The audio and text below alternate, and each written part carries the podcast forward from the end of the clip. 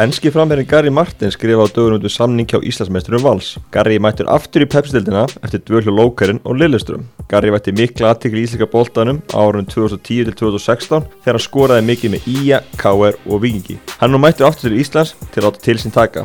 Ég heiti Magnús Már Einarsson og nú tökum við miðju með Gary Martin.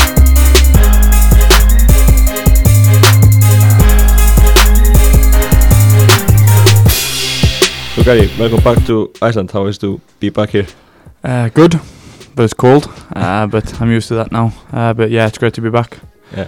If you go to, go through your, your career and just start early age in, in England, how, how was it, was your life in, in England when you were young, growing up?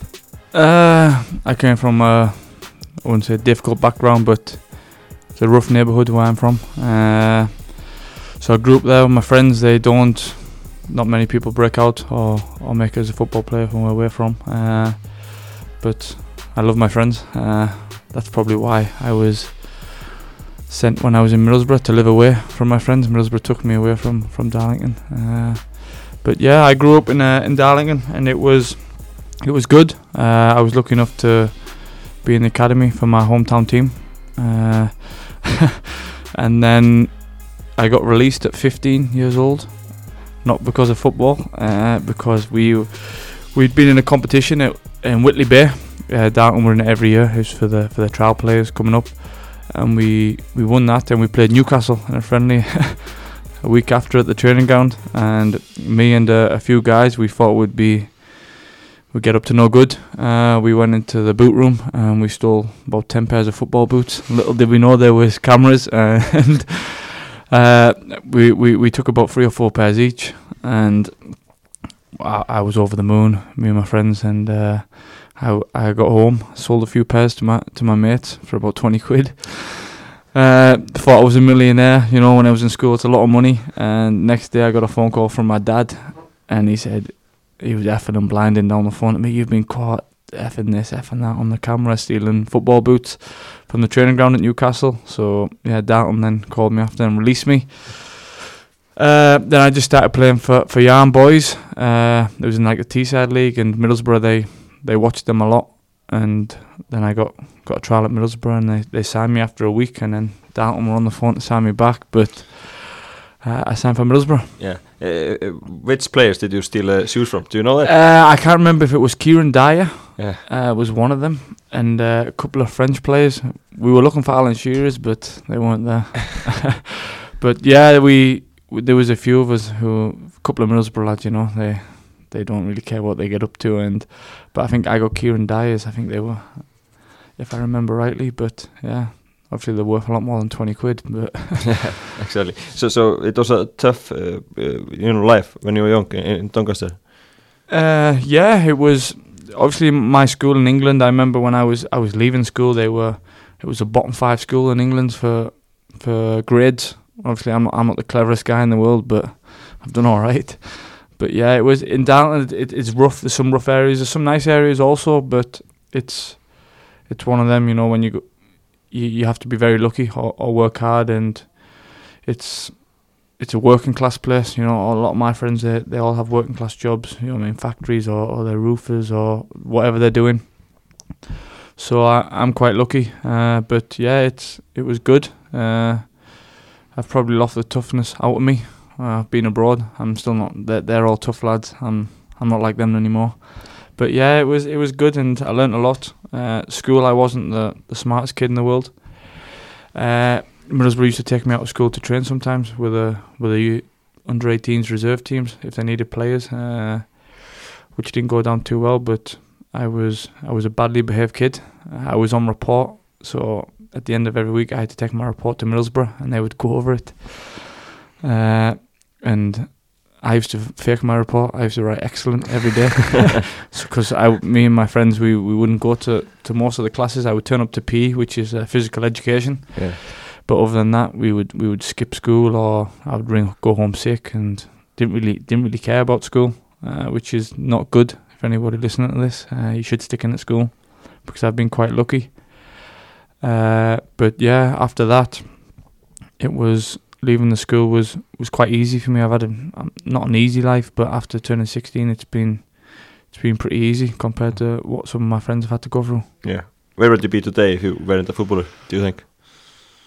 Oh, honest to God, I don't know. I'd probably, I'd be probably playing in the Northern League in England. where You can still get some decent money in there, but I'd, I'd have a normal job, nine to five. Uh, I have no, I literally no idea what I would do. That's a, it's a good question. I've never really thought about it. Yeah. Uh, but it would be something to do with sports. I, I would like to have hoped, but I was lucky enough that I got on the plane to Iceland and I'd done well. Obviously, I came here with a different attitude to what I had in England. In England, I thought I was the be all and end all. Uh, I met Franksy the other day. He's playing for Westman Islands. Yeah. We were in the same youth team, Yeah. and uh, there was uh, another guy there, Priestley. He was at Middlesbrough as well, but he was a lot younger than me. Yeah. And Franksy was telling him a lot of stories about me, which which weren't weren't great. So, but I was I was a difficult child, but I've grown out of that now. Yeah. So so you were uh, like 15 or 16 when you signed for Middlesbrough. Yeah, I was I was I was lucky because in England you have like year 7, 8, 9, 10 and 11. 11 is your last year, but going into year 11, I'd already got my scholarship from Middlesbrough, so I already knew I was going to be paid to play football. Yeah. So my last year of school, I was a nightmare, and that's when the report started. And I would report to Dave Parnaby every week. He was the academy director then. He's very well well thought of in England, and every week I would report to him. And I remember something happened at, at school one day, and I was I was called up to the reserves, and I was still in school, and somebody said something, so I went to punch the glass, and I put a massive hole in the window at school, and they rang the school, and they dropped me out the reserves, and that's when it I realised like that hurt, so I had to stick in at school, and after after that it was it was pretty pretty easy for me to settle down in school. I just turned up to the classes, didn't really do anything, just slept. You know, I would sleep one hour in English and one hour in maths because I knew I had my contract, which was not great because I was so set on being a footballer. I thought I don't need this anymore. And I remember them calling the the educational man from Middlesbrough down to the school, and they had to sit and talk to him about me and that I was not doing anything in school. And he said, "We will take your scholarship away." So then the last three or four months I stuck in at school, so I was a little bit better towards the end. Yeah. Yeah. How, how was the time at, at Middlesbrough? Uh, you know, did you do well with the- with youth teams? Uh, it was good. Obviously, uh, me and Richie Smallwood, he's at Blackburn now. We were probably the best two of our age group. Uh, we're the only two that are still playing professional football, and we were we were lucky enough to play in the youth cup when we were still in school. We got called up. So you, in in the FA Youth Cup in England, you get to play in the the stadiums.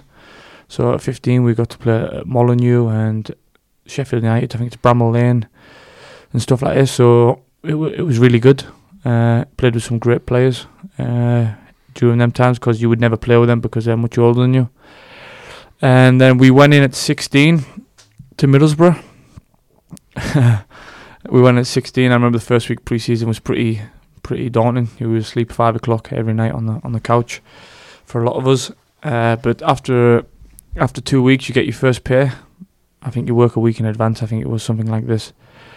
And then I got my first salary from Middlesbrough. Uh, and I remember ringing my friends. A few of them played for Darton, and we we went down the down the town. I was only 16. You have to be 18 to get in the nightclubs. So then there's me and my friends jumping up and down like lunatics in, in Darlington, and I look across my shoulder and I see the, sports scientist of Middlesbrough, and he's he's brought the finger out, said, "Come here." He said, "What are you doing in here?" I said, "I'm just dealing with my friends." He said, "You shouldn't be in here. You, you you're 16 years old." Uh, so he said, "I'll keep it quiet, and that'll be it." But Monday morning, I went in telling all the lads, "Oh, I seen Rushy in the in the nightclub," and you know, soon it was straight round the training ground, and then had a meeting with the manager. He said, "Look, I'll let you off this time, uh, but it cannot happen again." So a couple of weeks went by. My best friend's sister got married. Uh, we were playing Crewe away. I remember it, and I said to my friend, "Oh, I'll see how the game goes, and maybe I'll come round like tomorrow night because it was a Friday. I couldn't drink. I had a game on the Saturday, and we went to Crewe. I was so tired. I slept four hours on the bus all the way there. He named the team, the coach, and I was on the bench. wasn't happy. He brought me on at half time, and I was, my attitude then was it, it wasn't very good. Played like crap. Uh, slept four hours all the way home. Rang my friend, said let's go out again tonight. Went out. Somehow got caught. I'll never remember it. And then Monday morning, they said to me, "You can either leave the football club or move in with Wendy." she was a secretary, and so I said we, we believe you're going to be a good footballer, but you've got you're you're in the wrong group. So come Monday, I had to leave my mum and and my family, and I was living with a secretary at Middlesbrough. So that was that, and I remember finding out that the, the manager had rang the nightclub. I think he might have put my picture there, or, or he knew somebody who owned it. So that's how they found out the second time. But come Monday, I was at my mum's house and I was living with somebody who worked at the club. Yeah, how was that? It was good. She treated me very well. I really enjoyed it. It's nice. Uh, she took me to training every day, and she was she was a great woman. She she helped me grow up. She looked after me very well, and I really enjoyed it. But on the football side in Middlesbrough, I was first year. You in England, it's very difficult because the first when you're going as a first year scholar, you're 16 years old, and then you have the set. It's like first year, second years, and then you'll have the third years. Might be in your dressing room, or they might be with the reserves. And the second years in England, they always bully the first years. They always pick on the first years. It's just, it's part of part of being in England. The 17, 18 year old lads will always pick on the, the young kids. Uh, so first year I found it quite difficult. But then when I went into the second year, I had the upper hand because I felt more powerful in the dressing room with a few of the other lads, and I did really well in my second year. Got a new contract, and then in the third year, it was all about managers. I s- I was in the pre-season first team squad. I remember that at Middlesbrough when uh, we played Macclesfield with Franksy. I was talking to him about the other day. Franksy scored that day, and we were just saying that when Strachan came in, it was good for him and it was bad for me because Southgate really liked me and South Strachan didn't.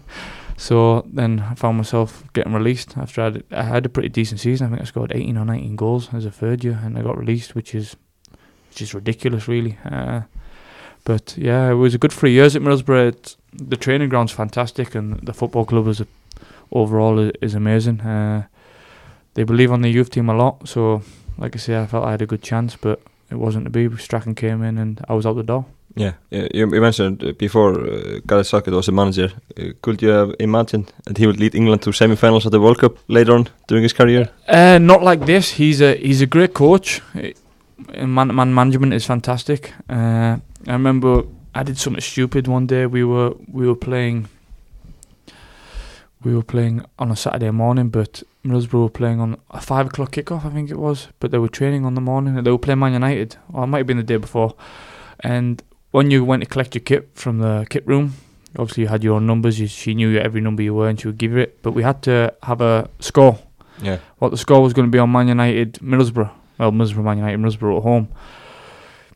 Me being a, I was a diehard Man United fan, you know, and I looked at the scores and everyone was putting Middlesbrough win. I thought, yeah, he was mental. Middlesbrough are not going to beat Man United, so I put uh, Man United two 0 Yeah. and I think I put, I think it was when Macheda was playing. Did I put Macheda first goal scorer, or I think I put Macheda or somebody else. So didn't think anything of it. Got my kit, went down to train and put my boots on. Was training, and uh, just about walk out, and uh, my manager comes to me. He said, "Oh, you were the first team today." I said, "You what?" He said, "You're in with the first team. You're in the meeting." I thought, I I just went bright red, you know. I thought, eh, what, what, what, do they want with me? So I've walked into the meeting room. Southgate stood at the front, and uh, all the players are there. They went, Gary, just sit down. So I was sat at the back thinking, I'm not, can't be a part of the squad. Alright. Sitting down, and then they're watching a few clips, and then they pause it, and Southgate says, Gary, can you come to the front? I think it was, oh, Stewie Downing, can you come to the front? Uh, you- can you explain to the whole team why we're going to lose 2 0 tomorrow to Man United? Oh my! I didn't know where to put myself. Obviously, that he found it quite funny, and I just said I'm a Man United fan, and they didn't think too much of it. But if it it had been a relegation game or something, I could have got killed. But yeah, that was that was the kind of man he was. You know, he took it with a pinch of salt. He, he thought it was quite funny. Yeah. But yeah, he was that kind of guy, and I didn't really think he would go on to be England manager. But and he did well with the 21s, and he likes his young players. He he liked them at Middlesbrough, and obviously he took the 21s and stuff like this. So he was. He he likes to to put trust in young players, which is very good. And like in the summer, I know we got an easy draw, not an easy draw, but they were fairly easy games. You you would put us to down to win all them teams, regardless what team we put out. But yeah, he, he left a few surprises in the squad, and he, he did a great job for the for the country. So I'm very happy. Uh, were you ever close to play for the for the first team, like in a competition game?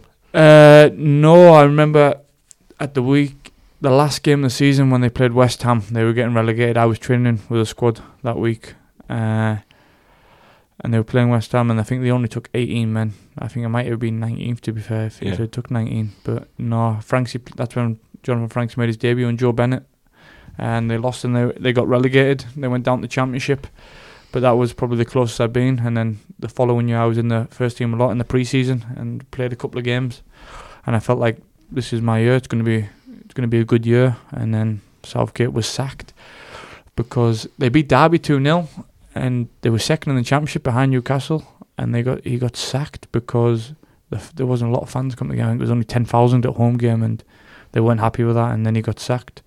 Strachan took over, and they finished 12th. Yeah, So it was a Right. good signing, really. yeah, yeah. so, so uh, if you go uh, to the next chapter of your career, in 2010 you go to Hungary for a short spell, and then you end up in Iceland, Uh, in Akranes. How did that come about? You, you end up here. Uh, well, I went to Hungary, and Willie McStay, he was good friends with Gordon Strachan. He rang Strachan and said, "Look, I need a striker," and Strachan must have said some good words about me, which I find very hard to believe. Uh, so I went there, but obviously I was only on a scholarship contract. I think it was like 180 pounds a week, 200 pounds a week with travel. And I remember them saying to me, "Gary, it's not a lot of money to live off in a different country." So, but I thought myself, you know what? It's it's professional games. I'm sat playing reserve games. They don't count for nothing. Uh, so I went there, and it was there was a Scottish lad there, Mark Miller, and another English guy from West Ham, Tony Stokes. And I just thought this is this is mental living in Budapest. You know, it was it was a bit difficult. It was very very rough. The neighbourhood I was in. Training was all right, uh, but didn't really want to want to be there. I just went for the sake of professional games, and then I came back to England, and had a phone call from Hartlepool. I went in there and did really well on trial, and they said they wanted to sign me. Said go away for the summer and report back first of July. Came back, and the manager had been sacked, and or the assistant had been sacked, and he was really one that wanted me. So a new guy came in, and he said no, I'm going to bring experience in. So next thing you know, I'm sat without a club. Someone's telling me to get on the train to go to Accrington Stanley, and I get a phone call. Do you want to go to Iceland? And I said, for how long? He said, uh, it's 10 games and you can come back to England. So I said, yeah, no problem. Didn't search Akranes or the town. Didn't think anything of it. Seen the contract. Thought, yeah, I'll go there for, for 10 games. Then I was on the on the plane and I remember landing. And I thought I landed on the moon when I was driving down that road from Keflavik. and he was like, oh, do you know anything about Iceland? I just, obviously I knew all, like, the famous players. And I, and I said, that's about it. And then I said, is it a supermarket as well? Because we're in England, we have Iceland supermarket. Yeah. And uh, no, I came to Iceland and I really enjoyed the first 10 weeks in Akranes. And I remember having a meeting with Akranes because there was a few teams in the Pepsi League at the time were, were interested because I was only on a short contract. And they basically locked me in a room after we played Grótta at home and said, right, we want to sign you, this, this, and this. Obviously, I'd never had a, a professional contract for this amount of years, so I was a bit panicking. My agent was like, just relax. The, the offers will it'll go up. We've got other teams, and I didn't really want to play anywhere else. I, I found the town all right. Little did I know about the preseason that was about to come. But uh, I remember Akron saying, "Yeah, you go home and like your contract goes all the way through." And I was thinking, like, "So you're going to pay me for three months at being home?" And at 19 year old, you think, "No problem." So I just signed. Yeah. I remember coming back in January, and that's when it really hit me because I hadn't seen the the preseason in the winter, and that was me in Akranes, and that's when I started to find it difficult. Uh, but you hit the ground running in the first first games. You, sc- you scored like 10 goals in 9 games the first season. Yeah, I remember the first the first game was against was it against uh, Fjölnir, I think, Fjölnir, yeah. yeah. and uh, I came on just after I might have been half time or just after half time, I can't remember. But I didn't know what they were saying to me, you know. I remember some guy shouting Hyrie and Vinstry. I came on right wing. I said, "Whoa, what are you-" so I was like looking around saying, "Mate, it makes no sense to me," you know. I was like, "Is that right or left?" So I found it difficult. And then second game was Leiknir, and I played up front. It was terrible conditions, and I thought, "What- "What is going on here?" You know. And then I think a few people, ah, why have we brought this guy? What's he doing? And you know how it is. So then next game was four Akureyri away, and then I, I scored that game, and we were it was two two, and then I missed a penalty. I took it off Jota. He wasn't he wasn't happy. I missed. uh, but yeah, that was it. Uh, and then I just started scoring, just started scoring and scoring and scoring because obviously I got got to know the guys. They, they were very welcoming, and that's there's a story I don't know if anybody's heard about Doddy, Doddy Guðjónsson. He remember when he, he he picked me up and he took me to the supermarket and he bought everything for me.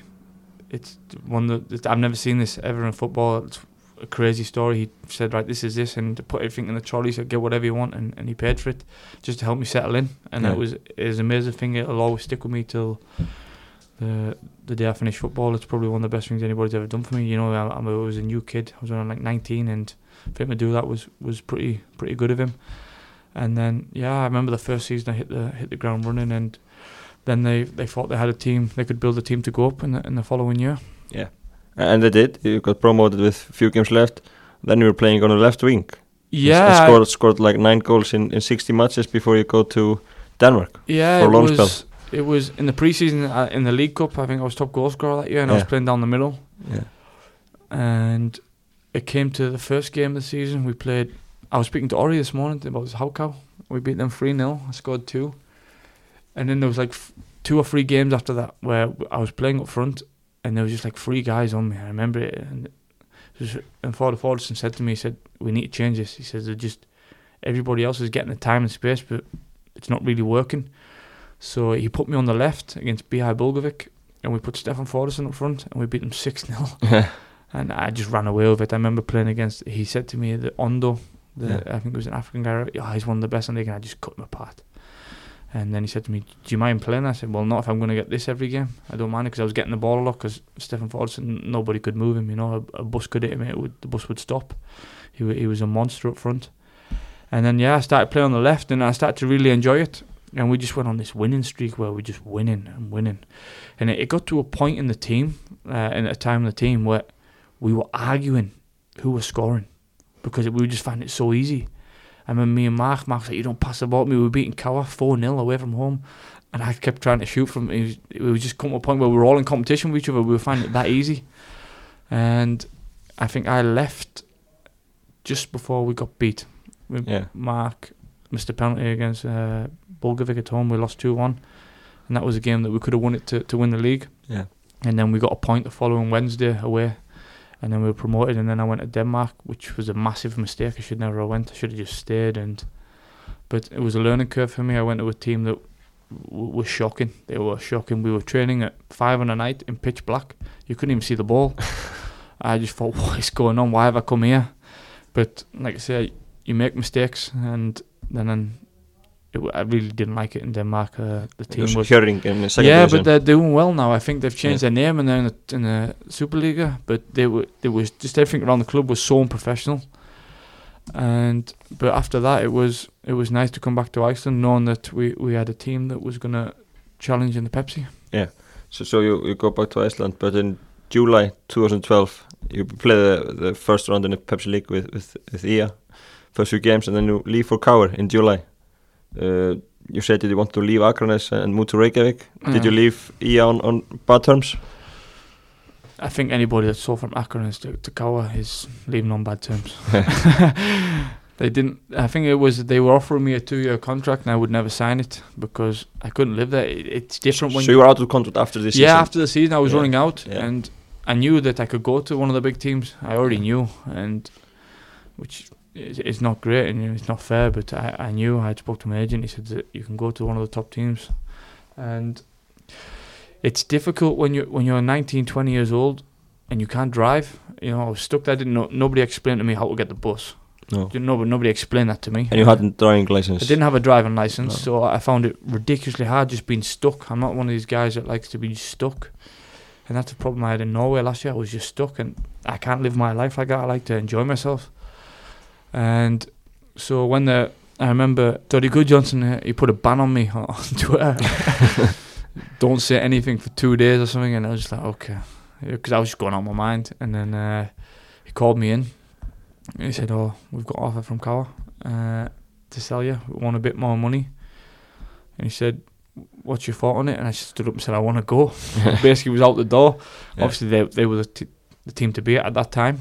Uh, I didn't really know any of the players. I just know that they they'd done the double 2011.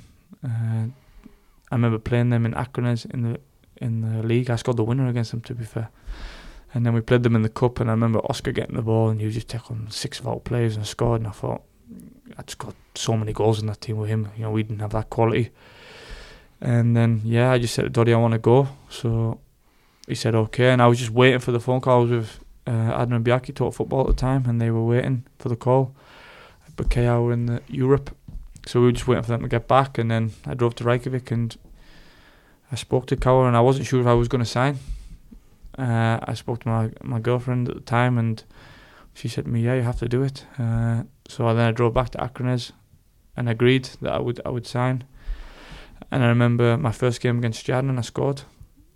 And then Akranes, like I was in the apartment still in Akranes because I'd only just just signed for KR, and they were like, "Oh, "You have to be out by Monday." And I was like, uh, you know, I only signed yesterday or the day before. I think I signed on the Thursday, and then Rúnar said I, I probably was was going to be on the bench, but I started. And then they said, right, you have to be out by Monday. And I was thinking, Jesus Christ, I thought we'd get at least a week before I could move. So then I was moving to Reykjavik and I was in a hotel and I think I had some bonus from Akranes. I can't really remember, but it was something. And they just put it in a deal where I didn't receive it just so I could go to KR. And obviously, I didn't think it was good terms that were left on, but that was that. And it was a good decision for me to move because I went on, went on, went on to win trophies. How how is your relationship with people in, in Akranes now? I'm uh, not too sure. Um, I, I would like to think it's good. You know, I- maybe at the end of my career, maybe I might go back. I'd like to play for Akranes again. You know, they gave me a chance in Iceland. Uh, I never, I would never have been a football player if it wasn't for Akranes. It's a, it's a simple fact. Uh, I owe a lot to them and the people at that club. I think the board and stuff's changed now. I'm not sure, but I owe a lot to to the people in the club and around the club for, for giving me the chance to a platform to, to be a football player. So.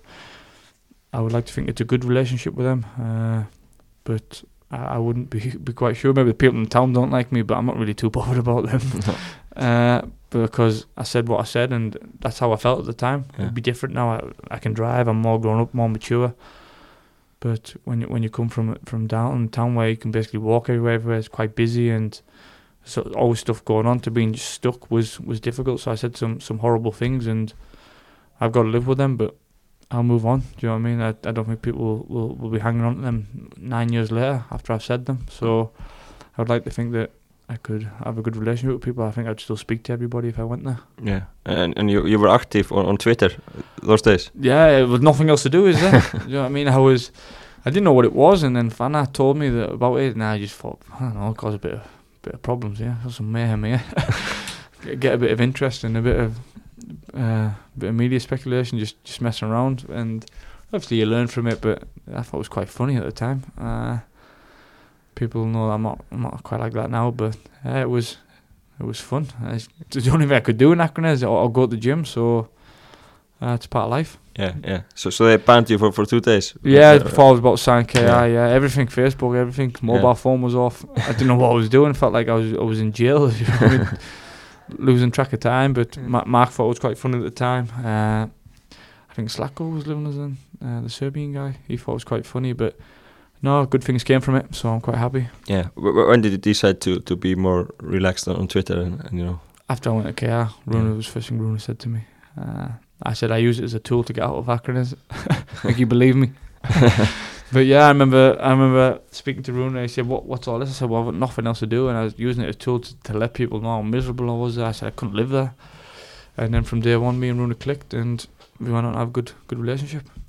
So you joined KR in, in 2012 and uh, it clicked straight, straight away. You liked it? Yeah, I was. I got off to a great start. Scored in my debut, and then I think I uh, I set carry up against Akranes. I could have scored that.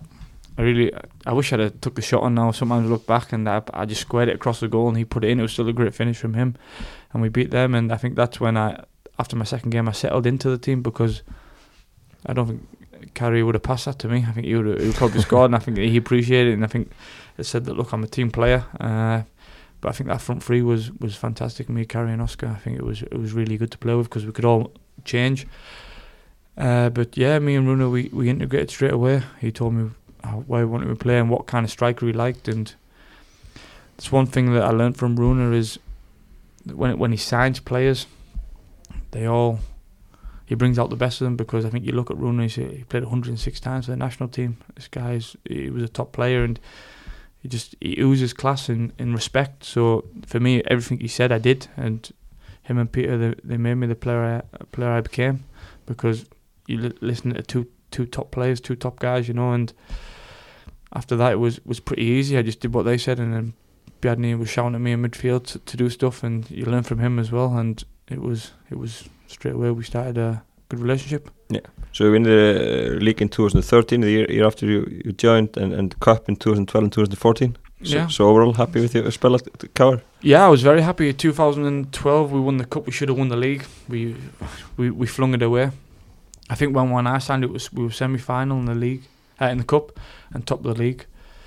I can't remember. And then we drew with Stjarnan, and I can't remember the game after Akranes. And then I think we we, we beat FH Capricorn. We won the cup, and then we beat FH Capricorn three one. And I thought, that's it. We're, we're gonna close. Like we were closing the gap on FH because they obviously when we dropped points, they were winning games. They were like a machine then. And then I think we played Fram or Selfoss and we drew. Yeah. And it just killed us because FH were they, just, they were just a winning machine. Like we, we were drawn one one with Selfoss, I think it was away from home, and they beat them five two. And you just we should we should have done a double 2013. I still believe we should have done a double then. We lost in the semi final to Stjarnan. Uh, we we had a great team that year. We had a really good squad, and I remember before the season because I didn't know that much about the, the top league at the time. I'd only played half season in Akranes, half season in KR, and I remember saying, "Hannes like we lost to Breiðablik in the League Cup, and then we lost to FH in this like the winner of the league, winner of the cup, three one, three one, and we had Stjarnan first game, but." I remember in Spain on the pre-season, I was like, I just thought automatically we win the league because that's all I knew since I come to Iceland. 2011, double. 2012 they won the cup, and I thought, well, we're the best team, and I didn't think anything of it. And then when we won the league with 52 points, I said that Hannes made this video off season. I was like, well, I, I've always thought we were going to win the league, and he said it's not that easy. But that that's a foreigner's uh, mentality, you know. When you come and you think you're playing for the best team, I just thought, well, we'll we'll win the league, and and we did. And I remember the two goals I scored to win the league were against Vala. I think that that could be the last time I played there. I might played there 2014. I'm not sure. But yeah, then uh, we we ran away with it in 2013. I think the squad w- was really good, and 2014 we struggled a bit. I think with with with the league because it's always hard to defend it, and we won the cup, which was another another trophy. So it was a great couple of years for me. Yeah. Yeah, and and you, you finally got the golden boot after a hat trick in the last round against Thor in, in 2014. Yeah. You, have, you have been looking for the golden boot for, for quite a Yeah, time. I thought I had it in 2013 as well, and Yeah. somebody told me I'd won it. Uh, I can't remember. Oh, you've won it. Atli Vidar only scored one. I think Vidarin scored one against Akranes. Yeah. Uh, but I would only won it because I missed a penalty and scored the rebound Yeah. because it didn't go down as a penalty. And uh, someone said, "Oh, you've won it." So I thought, what a day! We've won the league and like we're lifting the trophy. And then Atli Viðar scored like a 94th minute. Yeah. or Something stupid. I'm sure we paid the Stjarnan keeper to drop the ball or something. so yeah, that that hurt. But a few days after that really hurt actually. At the time I didn't I wasn't so bothered because we were lifting the trophy and we had a good night planned. 2014 came and I remember we, we couldn't win the league. And then Rúnar Peter said to me, Look, you have a chance of winning the golden boot. Go for it. So we beat Phil, we were beating Fylki and we got a penalty and Rúnar was shouting Aron Bjarki up from the back to, to take this penalty. And I was looking thinking no no no no no I, I'm I've got, I've got a chance at the boot here you know? September is my month. I always score in September. And I was like Aron Bjarki why don't you just stay at the back and let me have it? He, he scored and then we got another one. And I just I waved around and said to Aaron stay there. And Rúnar gave me the thumbs up. Yeah you can take it. It's only because we were winning 4-0 and uh, yeah and then we played FH away. After that and I scored the goal that like stopped FH winning the league. I think and it took it to the final game, Stjarnan and FH for th- for that for that crazy game. Yeah.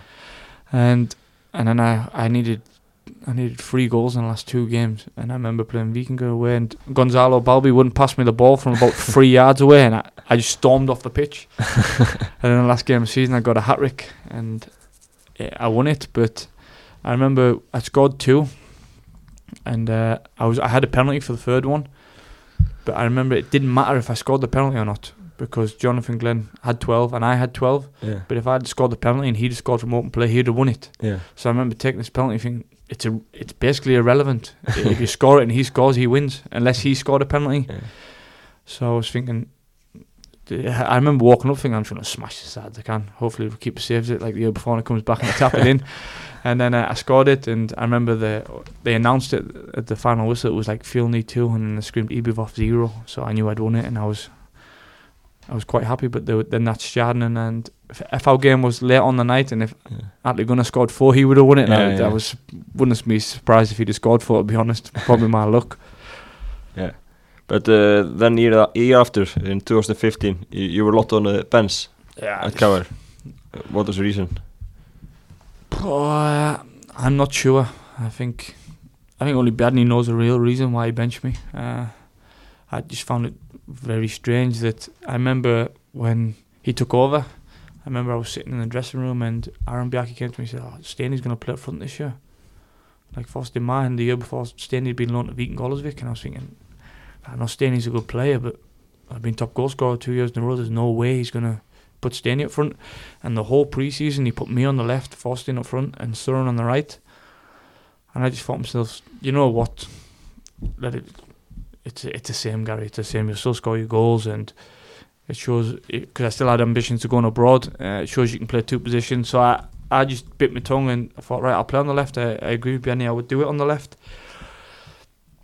Uh, but then the first we signed Oscar, so that mixed things up. Oscar came w- one week or two weeks before the season. Yeah, And I w- was in Canada. yeah, and uh, he came, and I thought, right, now we'll see. And then the first game of the season, we played FH, and Bjarni put me up front, so I thought, fair enough, he's putting his trust in me. Didn't didn't play t- particularly well. Then we played Breiðablik. Didn't play particularly well again. He kept bringing me off for Staney, and I, I, I could feel that he wanted to play Staney. And then Fylkir, I didn't think I was going to start, and he put me up front. I scored a penalty, so I thought, right, well, I'll keep myself in the team. Played 90 minutes. Uh, I think the fourth game was Fylkir. I got injured and Staney came on and scored, and I thought that's this is perfect. This Gary, Fan- six weeks out, and Staney's back in the team scoring. And as I was getting fit, we signed Hólmbert, and I remember somebody had told the guy in uh, for that Hólmbert was going to play up front, and I was going to play on the left. And I was thinking, well, why does that leave Oscar and Sören? So I was a bit bemused by this, and I w- I wasn't quite happy. Uh, and we played we played a game against Vikingur and I was just getting back fit and he brought me on the left and I had 30 minutes and then we had FH in the cup and he put me up front and I scored that was the game before but actually signed uh, that he could play and I thought right well I'm up front you know what I mean I scored the winner in that against FH in the cup and then we went into Europe and I was on the bench against Rosenborg and I was fuming I was absolutely fuming. He put Faustin up front, and Hólmbert wasn't ready to play and I was on the bench, and I was, yeah, I, w- I wasn't happy, and I think he knew I wasn't happy. And then Stanley got injured, and he brought me on, and I played that game with the worst mentality in football. And actually, Hólmbert was on the bench that game because he Mm. brought Hólmbert on, and then put me on the left. and then I think that's when it started to fizzle out the the relationship, and I was on the bench at Kaplakriki, came on at half time on right wing, and I changed the game. We won the game 3 1. Went away to Rosenborg, and I think that's when it started with Breiðablik were trying to get me. And I remember my agent ringing me saying Breiðablik had made an offer and Bouquet have rejected, but uh, there's teams that want you because they can see you're not happy. Uh, he started me against Rosenborg, played 90 minutes. I was quite happy with that. Came back, played Breiðablik, started on the left wing. Staney was up front because Hólmbert didn't look fit. After that game, I never played again. No. Uh, I was on the bench every game coming on, and I remember I was unused sub against Vala, unused sub against Fylki, and I thought, how am I ever going to go abroad? Sat on the bench for KR, and I just thought it was ridiculous because I remember Runa trying to get me to Lillestrøm in that window, and KR wouldn't let me go, and I was third choice striker, but I could go and play for Lillestrøm. That said everything for me. That like it made me feel a lot better, and there's a story I have. I remember we played when we beat FH, and I came on at half time. I remember after the game, Bruno rang me, said, That's how you get, now you have to play, that's how you have to get back in the team. And Bjarni didn't even say, Well done.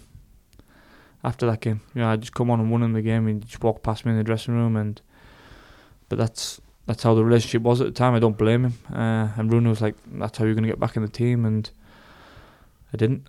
didn't get back in the team, sat on the bench, collected a lot of splinters all over Reykjavik that year, uh, warmed a lot of seats, tested a few benches out, and then I remember we played Lakeney, came on, scored and set Oscar up, and last game season played Vikingur and started, scored two, and then we had a conversation because I that for me I was I was going after that game. I thought I can't play f- play for him, and that that happens in football. He he has his opinions, the way he wants to manage the team, uh, and the way I see myself in the squad. And Bjarni didn't agree that obviously Bjarni thought the other players were better than me. That that's his opinion on football. You can't you can't blame it. Uh, that's why he was appointed manager to make make his decisions. Uh, so I thought I was leaving, and uh, I was ready to just speak to other teams, but it wasn't to be. Me and Bjarni sat down and we sorted it all out. And I said, I don't mind playing on the left if that's going to be my position. And we cleared it all, and I was very happy. And I remember all of a sudden in 2016, 16, the yeah. start, beginning of of the I was out in Sushi Samba with my ex missus, and I got a message from Milosh saying, I've just been offered you by KR. So I rang Balder Steffens and said, What is this about? He said, we, We're not we're not looking to get rid of you. No way. I said, Well, it's come from somewhere. There's no fire without smoke. Uh, and I was like, Some Something's going on here. Something is not. And then I seen Breiðablik uh, try, and I thought, well, something's not something's not right. I remember it was in f- just the end of January, and I was I'd been playing all the, all the games in, in the preseason, ninety minutes, and uh, rang Balde. He said nothing in it. Went to training, was a bit said to Bjarni what's going on. He said no, there's nothing in it. And then I found out that Gummi Ben at the time had mentioned something to Helgi. Would you be interested in Gary? I don't know if it was just uh, a normal conversation. And Helgi took that to Milos. So Milos pressed it to their board, and next thing you know, they were making offers. Breiðablik were making offers, and Bjarni was like, "Well, I think the club were happy for me to go at the time." And then I said, "Well, they're not two teams that I, I look to go to at the moment. I'd want to go to FH or Stjarnan or Vala. Vala made an offer, and KR refused to sell me to Vala. They just refused, and then Vala made another offer, and they were just refusing Vala. Said you can go to any team. I think was said from FH, Stjarnan, and Vala. And I was like, "Oh, what?" I mean, and then I'll just sit on the bench and you pay me my money again. And I thought I can't do that again. Not if you want to go abroad. So I was, my head was a bit messed, and I thought. So I went and spoke to Breiðablik, and Breiðablik couldn't match my contract at KR. So I, I said, "Well, I'm not leaving. I'm not gonna. I'm not gonna leave for less money." And they wanted me to play on the wing, and said, "Well, definitely not." And, uh, in my opinion, I'm a much better player than Jonathan Glenn. I'm not going to play on the wing for Jonathan Glenn. Just, that that's just a no go. I'm not, no disrespect for Jonathan. I think he's a good player, but I, thought I was the best nine in the country at the time. No way. And I remember as soon as I left KR, I brought in two Danish players. I think that was maybe the reason I had to leave. I'm not. I'm not sure. And then I went to Vikingur and I spoke to Vikingur and I knew Milos. I'd always seen him in the gym and I know he's he's football mad. He, he loves his football. His meetings are a bit long. but I spoke to him and I said, well, yeah. And he's, he wanted to said, well, I'll play you and Victor. We'll defend low and we'll just go. He said, I've got this Serbian guy, Tufa on the wing. He, he's electric. You got you and Victor. And if I can get a good left winger, he said, I think we'll be very, very hard to beat. And so I met Vikingur and they offered me a, a very good contract. And so I said, well, I'll go. If I score 10 goals, I could go in the summer. I had a clause. And then I just started the preseason with Vikingur and we beat KR 3 1. And like Milos is, as a football brain, he, it's fantastic. He he never switches off, which is a bit bit of his problem. But he, as a coach, he, he's unbelievable. And then I then I went to Vikingur and that was that from from KR. Yeah, and you must be happy with making that move and look back because you, you then you got to move to Lillestrøm Uh, later in the year. Yeah, I remember I didn't score my first five games, and I thought, well, I'm I'm on a good contract. You, you're trying something new. You know, it's easy to score. It's not easy to score goals in the best team, but it's it's easier. And then Milos was chopping and changing the team a little bit, and I, I couldn't find my rhythm, and we were getting some bad luck with refereeing decisions. And then uh, I think I scored my first goal after the fourth or fifth round against ÍBV away. Missed a penalty again. Remember missing that penalty? I thought this is just not this is not my day today. And then I scored a couple of minutes after, and then it was our first win because we had a difficult start. I think we had KR away. We should have won. Scored a goal that was given offside. Alex scored. Then I scored a goal against Jan in the second game. We were battering them in the first half. Given offside, lost the game 2 1. And then third game we had Breiðablik. I was clean through and Damien brought me down, didn't get a red card. And then we got a red card, Viktor Bjarki for nothing.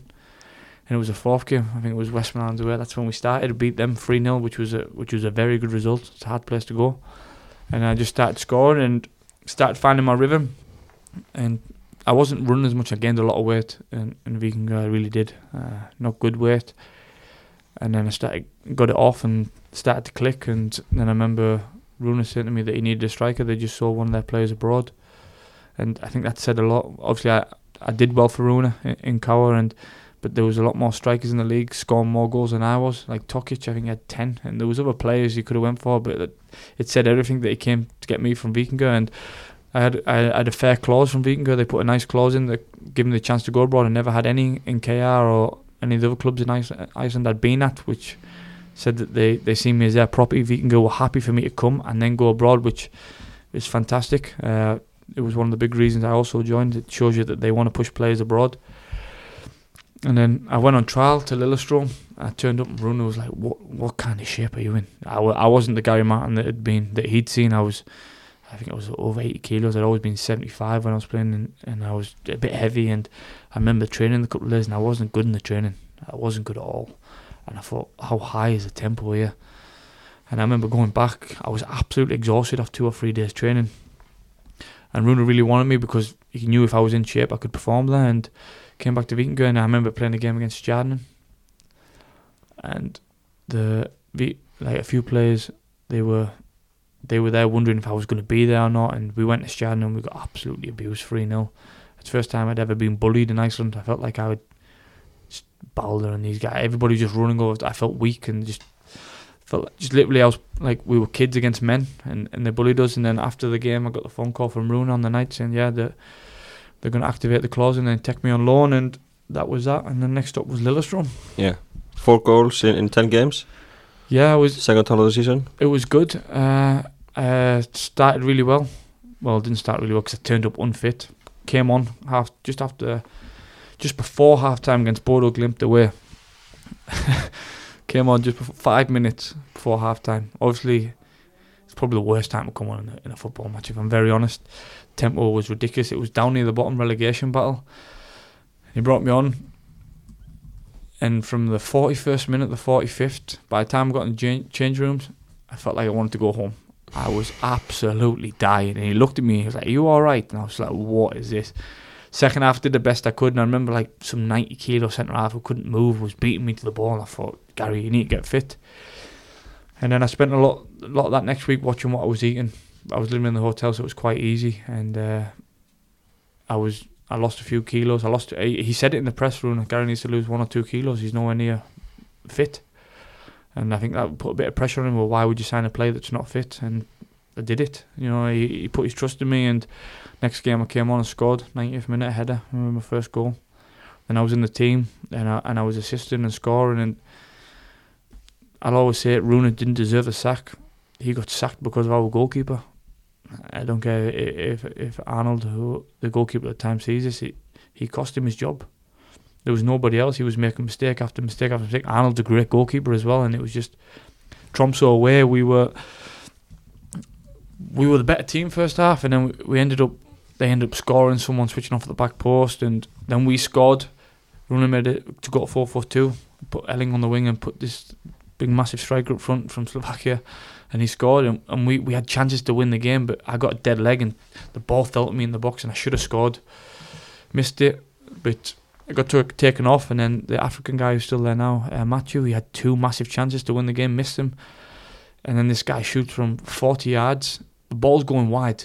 I think the ball's going wide, or yeah, it, it is going wide if I remember rightly. And Arnold's went to catch it to hold it, obviously to, to waste time. But as he's went to hold it, it went in.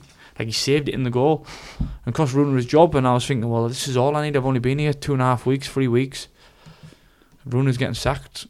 He was the only reason basically I went because I took a massive pay cut to join Lillestrøm. I think I took a 66% pay cut from being at Lillestrøm. Yeah. And I was living in the hotel and and I was just like, what is going on here? And now I'm stuck. Obviously, Halli Bjørs was there, so I, we had some common ground to talk about. And then this Arne Erlandsen came in, and this just wasn't for me. No. This football wasn't for me. I, fair enough, he, he played me, but and I, and I scored in the derby, which will which was insane. This this game was insane. These are the best games you can play. These Fulham and Lillestrøm games are incredible. And I remember coming back to to to the hotel thinking, and I said to Hallie as we were pulling out the gas station, I'm not coming back here, mate. Because they wanted to sign me. I said, I'm not coming back. And Rúnar had just got the job in Lokeren. And I thought, you never know. He might take me there. I was playing really well in Norway, so. And I, I thought to myself, like, maybe I'll take the risk now instead of paying. You can get me for cheap now because he knew my clause at Lillis, uh, in Vikinga to get me. Instead of me scoring maybe 10, 15 in Norway, if I had played every game, it would cost a lot more. So, but I wasn't going to stay in Norway. So for me, it was either Iceland or Belgium. Yeah. And I don't, a lot of people don't know this. I wasn't going back to. I w- wasn't accepting the offer from Lillestrøm because it was nowhere near what I was getting in Vikinga. Yeah. So, and I remember coming back saying, uh, FH and Vala, and I think Vikinga knew if I was staying in Iceland, I wanted to go to one of the big teams. I couldn't come back from playing in these games to being a mid-table team. I wanted to go to one of the big teams. And then Rúnar took me on trial to, to Lokeren, and I did well on the trial. Scored in in the in the training game, and then I, then I signed for Lokeren. Yeah. But, but it says something uh, about how you, much you wanted to join a bigger league. You take a pay cut to go from Wing to Lillestrøm. Yeah, obviously my contract in Vikinga was, was was very good. I, I think it was the best in the league at the time in Iceland. And Lillestrøm, I went to Lillestrøm on loan for thirty five thousand Norwegian. It was nothing, Yeah. absolutely nothing. You know, and I still had bills to pay in Iceland. You know, so I was basically paying for free. I was sending the money home, and my ex missus was using it, and that that says a lot. People people don't know that story. You know, that's how much I wanted to go and prove it. Uh, Vikinga didn't know, didn't think the pay cut was that much, but yeah, and you got to understand that pay cut was all the way up until January. So it wasn't just for, for the three month loan; it was all the way till January, and I did it, and it it, it paid off. I think if you believe in yourself, you, you've got to do it, and then obviously the rewards came better because I went to Lokeren in Belgium, and financially it was much better for me than than, than it was uh, in Iceland or, or Norway. Yeah, yeah. So you got a good contract in in Lokeren, but uh, how was the uh, time in, in Belgium for you? if uh, if I was if I was a horrible footballer, I'd still be sat there now, seeing on my contract. Yeah. If I if I didn't play football for, for football, if I played just for money, I'd just be sat there. Uh, but the first first living there was was amazing, absolutely amazing. Uh, I moved in January. I was in the hotel till I think Sverrir left to it was sold to Rostov. Was it Rostov? Oh no, Granada. Canada, yeah. And then I was waiting for him to move. I took his house, and it was a beautiful house. Obviously, it was a new culture for me. It was a bit like England. The prices weren't like Scandinavian prices, and I was I was really enjoying it. And the problem for me was my mentality went from because for me I felt like right, I've done it now. I've gone from I've got to a very good level.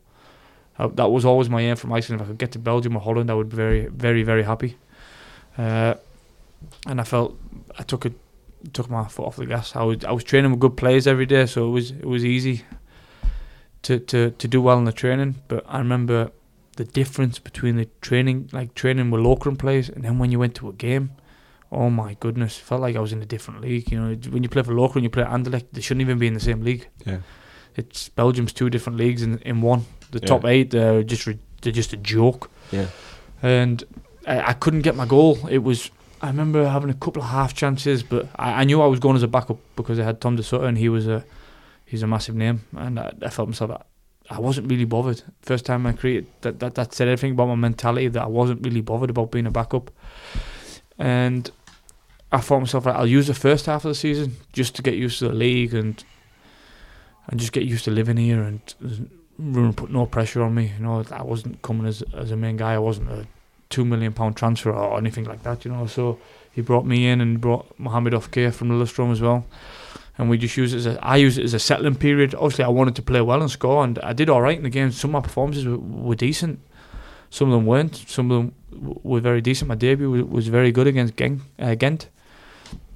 And then obviously I came went away to England. Came back on the preseason and I, I was ridiculously fit. Like I, I was the fittest in the team. I think Bruno uh, uh, confirmed that as well. We did all the tests. I was in in crazy shape. I thought right now this is my year. And then I had some problems off the pitch that took over my life, and I had to deal with them. They were more important than football, and I told Rúnar about them, and he said to me, "Well, that's more important than football," and so I had to to fix them problems, and my, my all my focus was on that. I didn't have any focus on football. Didn't even didn't even matter that much. And Rooney said to me, "Sign a few players." He said, "Well, you're not going to be my plans. You're going to have to try and find your team." And for him to say that was it, it hurt a little bit, but he's honest. He was always honest with me. Yeah. And I, I said, "That's fair enough. I'll go in January once I fix these problems." Uh, Yeah. I said, "These problems, I'm not going to pick up and leave because it's not possible to do it." So he told the board and the and the president because the president there is a bit of a nutter. to be honest, he's he, he's very strange. So I, I agreed that with Rúnar that I would just train and do the best I could. Maybe look at sorting some out for January. And Rúnar did his fu- pre-season was fantastic. Him and Arnar, and we brought in some new players and. The squad looked good. The atmosphere was very good in the dressing room, which it hadn't been the year before. There was a lot of players that needed to go, and and, and Rúnar got rid of them. And then Rúnar was sacked after two games, which was absolutely ridiculous. Yeah. It was the most ridiculous thing I'd ever. We played Club Bruges, and then Kortrijk, and, and he was sacked. And it was it was just terrible, terrible decision from from the from the football club to sack him. So then I'm sat there with my problems off the pitch. I didn't think anybody really knew the problems. So they were like to me, "Oh, you need to leave." And I was like, "I'm I'm not going two yards, you know. I'm not." And obviously, I, I felt it as like had brought me in. I was in no state of mind to play football. Didn't do anything, so I felt a little bit maybe I've cost him his job, and that's not a nice thing. I felt like he's brought me in. Obviously, used, he's only had made two transfers in January, and then he got a few in the summer. But I thought like I'm one of them that's not performed for him, and he's put his word, and I've not done anything. And I felt like I'd cost his job a little bit. I don't know. Some players will never think like that, you know, because they don't really don't really think about the manager because they don't have the relationship I had with him. So it hurt me that he lost his job because I felt I was a bit of the problem. But it wasn't in my hands. The problems off the pitch, they were much much more important than football, and uh, that was that. And he agreed with me. So it, that that tells me that he understood. But it's still not nice to feel that maybe you you played a part in a manager losing his job because they look at the transfers and say, well, he didn't do anything. And then Moore, he didn't do anything. Mohamed off off care from from Lillestrøm, he was injured all the time. So then they were trying to force me out, and I said, I'm not going anywhere till January. I've got problems that can't be can't be resolved till January. And then uh, uh, they offered me to get paid out before the transfer window. They said, "Oh, you can rip your contract up and leave for free." I said, "Well, I'm not going to do that, am I?" They said, "Well, then you can go at another team for free." I said, "No." I said, "I've got a good contract here. I'm not going two yards." And I walked out and went home to England and went out with my mates for a week. Uh, and then I came back and I just felt like I didn't belong there, and they were they were they were very different towards me. Like I remember doing one thing where my hamstring, said I had a, a bad hamstring, and I was out for three weeks with a stiff hamstring because they didn't even care about getting me fit. And I thought, Gary, this is only going one way. And I thought myself, like, you cannot continue like this. The problems off the pitch had sorted themselves out. Uh, was partly doing my ex. She went back to Iceland, so I was I was clearing the mind a little bit, and I thought, well, I've got no ties here now in Belgium. So, what do I do? And they put me in the second team, and I was training with the second team. I thought, well, if they're going to pay me and let me train with the second team, I, I'll, I'll take that till January. And they then the manager of the second team went and told the, the club that I was really happy in the training. I think they thought I was going to be moping around, walking around, and I was over the moon. I thought, well, I'm getting paid good money to to play with players, 16 year old. It's not a problem for me. There's people out there with much much harder jobs getting. My friends earn nowhere near the money I was getting. They work on roofs and stacking boxes, and I, do you know what I mean? They're working in the snow or whatever it is, the the, rain, and the. I thought myself, this will do me. This will do me down on the ground. I love living there. Every other day I was in Antwerp or uh, Brussels. So then they came that we want to pay you out, and I thought, all right. So I spoke to my agent. Said "Oh, they want to pay me out. He said, well, we'll we'll wait and see what they offer. And in the meantime, I had an offer from Lillestrøm because I'd been staying in touch with the director because they tried to get me on loan, and I didn't really want to go back to Norway. I'd rather just I thought I'll go back to Belgium because Lillestrøm's offer I could have got better in Iceland. But I thought if I go back to Iceland, then I think everyone knows once you go out and come back at my age, you're here for life. Probably saying that Patrick, Patrick's done it. uh, so I, I got paid out and I went home and I flew to Lillestrøm, signed the contract there. They promised me I would play every game. Took the nine shirt. They had, they were creating loads of chances. I would score loads of goals and maybe I could go back out to to a bigger league. And then I went home and played for York for for a couple of months Yeah, in the conference. Uh, yeah, Conference North. Yeah. Uh, I think you. I think everyone's seen what happened there. I was. It was my manager when I was in Darlo when I was a kid. From Yeah. 15, he knew me, and my my best mate was living next door to a guy who worked for Darlo. So he told him uh, for York. He told him, but I wanted to go and play for Darlo. I was going to play for Darlo for free. I was happy to just go for Darlo. They don't didn't have a lot of money. I would have played for zero. Yeah. I would have happily played, but I wasn't going to ring up Darlington Darlo. also in in, in They're in the same league, and league. uh, York and Darlo are big rivals. I thought I'm not going to ring up Darlington Yeah. and ask them to play for them. I Yeah. thought that's, and I was waiting and waiting. I thought I said, "One of my mates, can you not speak to, to one of the guys? Tell them I'll come and play for them for free." But Martin Gray, he's he's very, very wise, and he was ringing me every day, and I was like, "Well, I'm agreeing my payout." He said, "Right, we'll come to York. Can you be in for this game? Can you be in for that game?" And then I think it was the 28th of October. I drove home from, from Belgium. I had all my stuff in my car. I had the cat in the front seat. pissed after about 45 seconds all over the car. It stunk. and uh, I remember getting to customs and they wouldn't let me through because I had a cat and he didn't have a passport. I said, well, man, I'm not turning around, so you're going to have to let me through. so I was driving home, 28th. 29th was a Sunday, Sunday League football. Played in that with mates. Uh, obviously, my contract didn't start till the first in Lillestrøm, but I made a deal with them. If I turned up injured, I would get 50%. Played with my friends on a Sunday morning in Lillis, uh, in, in Dalton in this county cup. We won that. Was on the drink all day with my friends, are absolutely dying. Martin Gray ringing me for York, and I thought, well, Dalton haven't rang. I'd given my word. So Monday morning, my alarm goes off. He's ringing me. I thought, ah, hungover.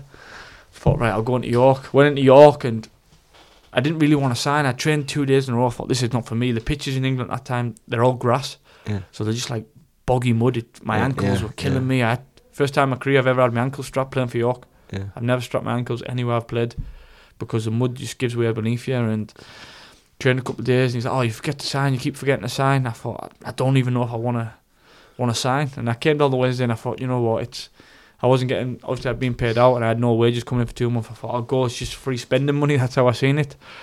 So I went in, played my first game and I remember my body was killing on the Saturday we played Curzon Ashton. It was I think the Scousers are from Liverpool. And I had to warm up before the game and I was saying the bus to the physio, my body is dead off this training. I said, I can't handle these football pitches. I said, I'm used to artificial or strong, firm ground. Yeah. Said, the training pitches is killing my body. He said, well, you're Gary, you're gonna gonna get me in the in the shit if, if you don't tell me the gaffer you're fit. I've told him you're fit.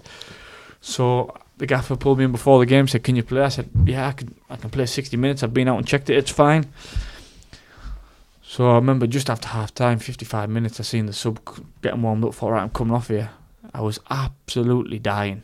I literally was absolutely dying. I had John Parkin up front. I don't know if you know John Parkin is. You, he's about 24 stone, about 115 kilos. He, he's obviously a pig lad, but he's an absolute legend in the game in, in York and, and around the lower leagues. He, he's had a good career, but he doesn't run.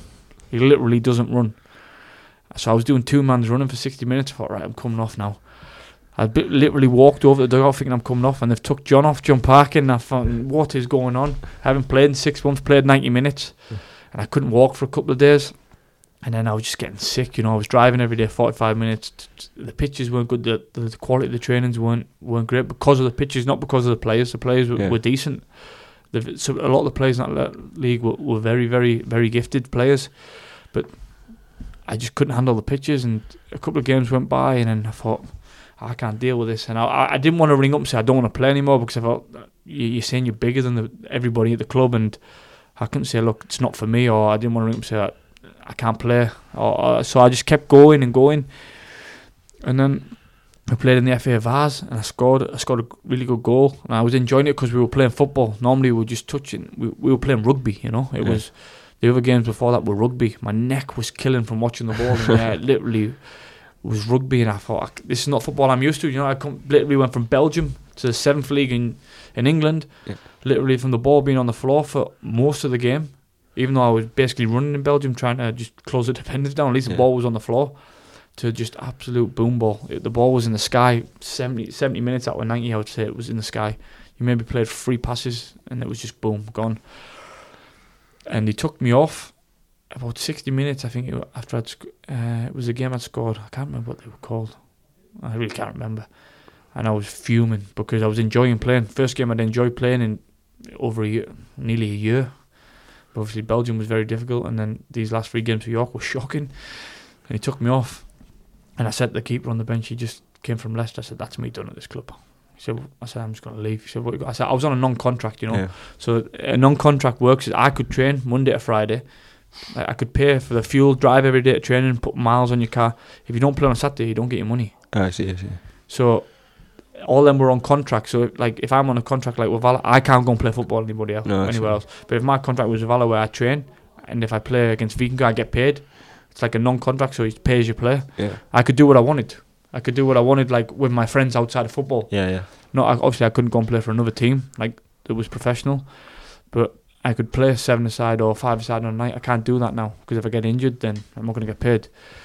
So my friends were playing in the county cup on the Sunday morning, and uh, they were saying, "Oh, are you going to play today?" And I was like, because I knew I wasn't breaking any rules, and I'd had about four cans of Carling, and I said, nah, "I'm not playing today." I, I'd been drinking since ten in the morning. That's how it is with my friends and they were getting beat 3 0 at half time. Said, I'm not coming on there for someone to try and snap my leg. No way. I said, if you get to 3 2, I'll come on. we scored one minute after half time. I thought, I don't believe this. I'm going to have to get it up today. Next thing you know, it's 3 2. And uh, everyone's like, Gary, get ready, come on. I said, let them do it by themselves, you know. It's, it's the, the, the competition they were playing in was like basically the same competition as the Icelandic Cup or the Norwegian Cup, you know, or the Yeah. FA Cup. It's Yeah. Sunday League. It's, yeah. That's their cup, the county cup. So I said no. I said if it's two three two with ten minutes left, I'll come on. Three two left. I'm literally um got all my clothes on. So the lads are ripping the clothes off me. I'm taking my clothes off on the sideline on a Sunday morning. Getting like obviously they don't have a lot of kit, so the subs will come off. I'm taking their socks, taking their shin pads, taking their boots. A little bit drunk. A little bit drunk. and I've come on, I've got the ball, went past two players, chipped it in, we scored. it's 3 3, and then I, I ran down the line, got a foul, and a free kick. I thought, I'm taking this. And like my friend who plays, he, he's a really good free kick taker. He's like, no, I'm taking this.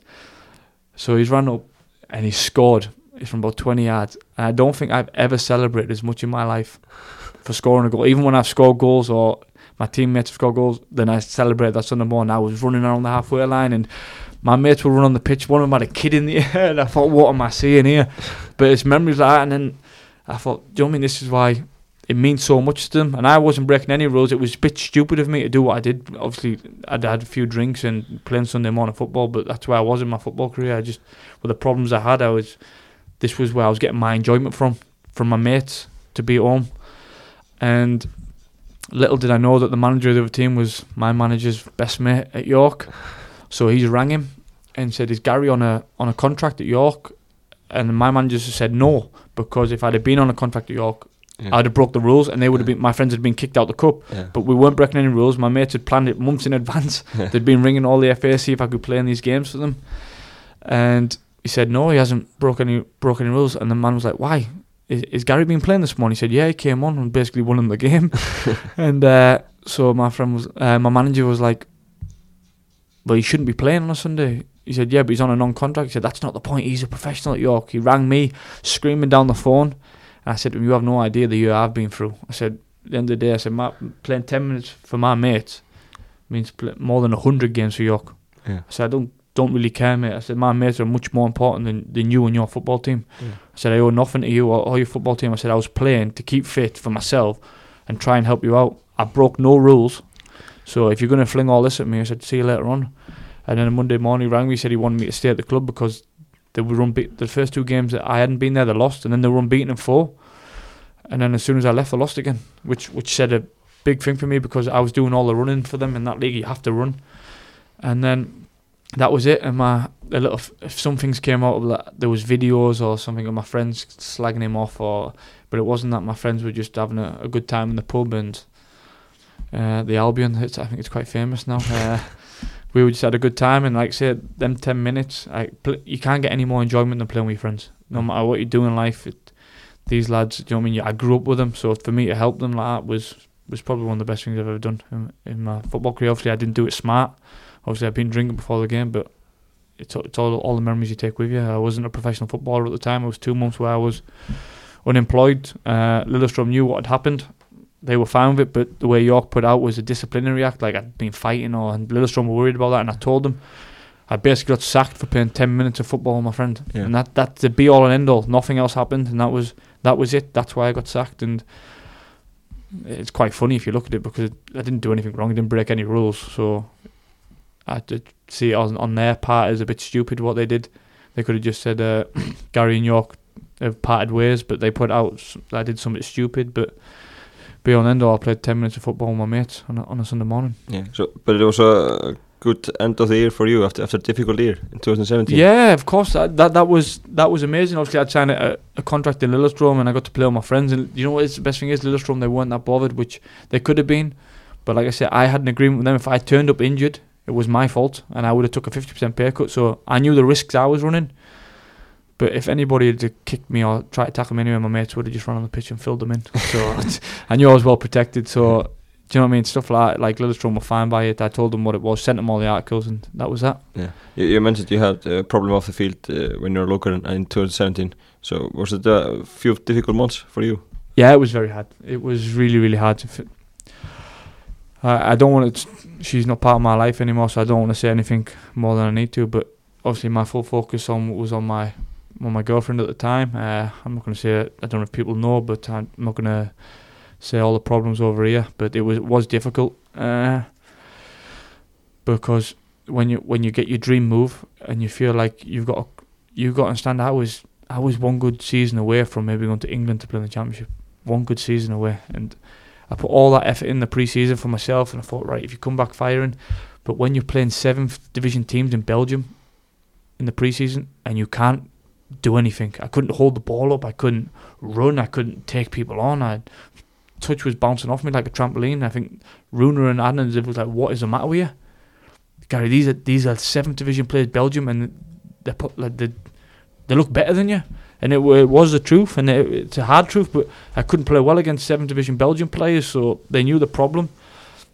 I explained it to them, and I tried my be- best I could to to get through it. But the be all and end all was my my dream move collapsed because of problems off the pitch. I didn't perform in Belgium because of that. So my football career started. My football career went down from that point, and I, that I'm not making excuses, but that will be always be the the reason I never performed in Belgium it's not the reason I didn't perform in Norway because that's a completely different. I was in a different mind frame. But yeah, 2017, them months they were they were very difficult. Uh, my mindset was all over. I remember going through training sessions and training started and training had finished, and I was thinking, what is going on? Because I'd literally been thinking on the same thing for an hour and a half, and I just thought this is this is ridiculous. And then when Rúnar left, it got even worse because the new guy came in, didn't really care what was going on with me. Really, literally, it- this guy was. I don't. I don't. Don't want to say some horrible words over the over the uh, over the radio about him, but he was he was a joke. He was an absolute joke. So, and the club, the club, the way the club dealt with it was was a joke. And and I remember saying to the guy, the sports director, if you were in the same problem, how would you react? He was asking me to rip my contract up and try and move my whole family with the problems that were going on. I said, what would you do if it was your wife? Or, or your girlfriend or your friends at the same time, would you do it? And I, I literally wanted to smack him. I, I felt like leaning over the table and punching him. I swear down. I, I, I was lucky enough to walk out the room. I rang my agent and said, look, they want me to terminate my contract. Uh, I just said no and walked out because it was the window was closed on the 31st of August, is it? But like to even ask me that when they knew the problem, the whole club knew what was going on because they had to. I just thought was one of the lowest things a, a human could do, and uh, he did it. So that just says a lot about him as a person. And then I really didn't have time for him after that. I really didn't want to speak to him. And when it came to terminate my contract, I, I was lucky I didn't say some. I didn't say anything because I didn't want it to come back on me and my career because he would have then told the next team. And so I just left it and I just basically told me he was a piece of shit. basically, because you don't do that to where my mindset was and what was going on. And that was that. So yeah, them few months were, were it was more than a few months. It started in January. So you got to understand when I was going on trial Lokeren and all these problems were just starting to develop. The first part of the season I had them problems, but I'd say that there was a after June when it got really bad. But I knew the problems at the start, and people didn't understand it. I remember we were in Spain and Ingy and uh, Ari were like, "Oh, you're coming out," and I just couldn't because these problems were just starting. And normally, a normal Gary would have went out and I had a ten beers. You know, I couldn't do it, and I sat in in Spain just thinking about what was going on and wh- how things were developing. And then I'd like to say after the summer it got really bad, but then obviously at the end of the year w- was quite good. I got a, I got a new girlfriend who I'm with now, and got to see my mates for two months, which I hadn't for a long time because obviously when I was in Iceland, I was living here through the winter. So I got two months at home, and then then I went to Lillestrøm in January. Hmm. So, so th- this year, 2017, the most difficult year in, during your career? Uh, no, I'd football wise, and because if you love football and you don't agree with things that happen, it, it is difficult. But I went back with a fresh mindset. You know, I, I knew the coach was the coach that had been in 2016, and I didn't want to play for him. But Lillestrøm, they, they gave me a very good contract, and they said how it was going to be. Be and I, I watched some of the games from the year before, and they were playing decent stuff. They had a good number ten, but he had he hadn't re-signed. So I was thinking, you know what, you know some of the players, the fans, they loved me at the club. The fans were they're amazing. I thought I'll just go back, do what I've got to do, score my goals, and get out. That that was my main aim. Just just me. I had a new girlfriend. She was coming out every month, which wa- which was really good. So the distance wasn't a problem. She would fly out every month, and so January started. The first week was hard, a lot of running and stuff like this. We were playing like 11 v 11 on a seven-a-side pitch, which I didn't really enjoy. But I thought, you know what, just get through this. It's only going to be like this for two two weeks, three weeks. Little did I know it would go on for three months or two and a half months. And I thought, I'm, I'm a football player. I'm not a marine. You know, yeah, literally, we were running three times a week on treadmills. Uh, but I did well in the preseason and I'd scored goals. We went to Marbella and I thought, right, some sun. Come back from Marbella. We've got Rosenborg and then we've got the league. Went to Marbella. Training was good. Obviously, we were on the grass 10 days. And it, one day they said, oh, we're, we're running this afternoon. I thought, I don't mind running outside, you know, in the heat. And the manager had found a gym 35 minutes away, made us all drive to run us on treadmills. I thought, what, what, what are we doing here? You know, we're football players, not Marines. And it continued. And I just thought myself, you know what? It's got me ridiculously fit, maybe too fit for, for my own liking, but I did it, did it all. First game of the season came. I was top goal scorer in pre-season, so I thought there's no way he's gonna, there's no way I could be on the bench to sign Thomas Olsen from Tromsø. Thought he's got to play me and him up front, and they're going to put Erling Erling Knudtzon on the wing. He's just gone on Molde, I think. So we had a decent front three, and we had a one one really top class centre midfielder. So I thought, you know, we've got a chance. Uh, we we went out to Bodø, warmed up, came back in, game kicked off. There was snow setting on the pitch. We played 15 minutes in the snow. This is the first game of the season. There was not many people in the crowd. First game of the season the year before, they were playing at Åråsen. I seen all these like not fireworks, but where they let off all the confetti, and there was 7,000 fans. I thought that's the first game of the season. That's how it should be. A lot of enthusiasm. It was snowing. Stopped the game for 10 minutes. Then decided we have to go back inside and wait for the snow to clear. Brought this tractor on, cleaned the snow. I said, surely they're just going to call the game off and we play again tomorrow.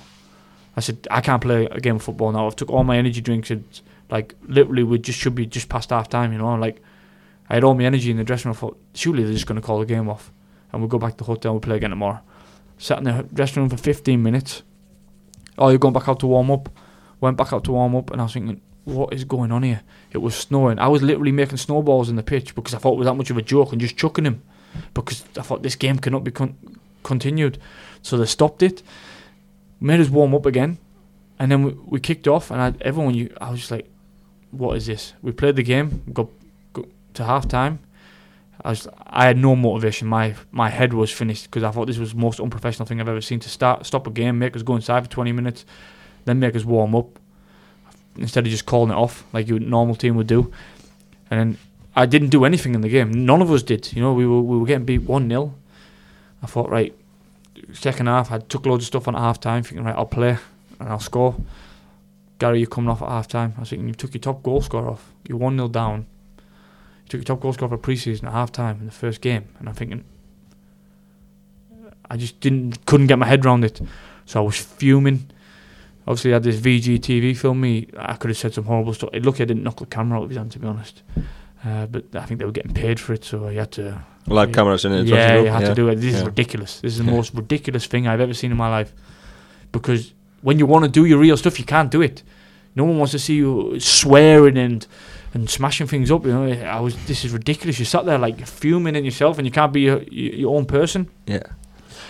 And took me off, and he was like, "Why? Why did you always know it was going to be you?" Because the whole preseason he kept taking me off, and I wasn't starting. But I was always scoring, so it felt like he had to play me.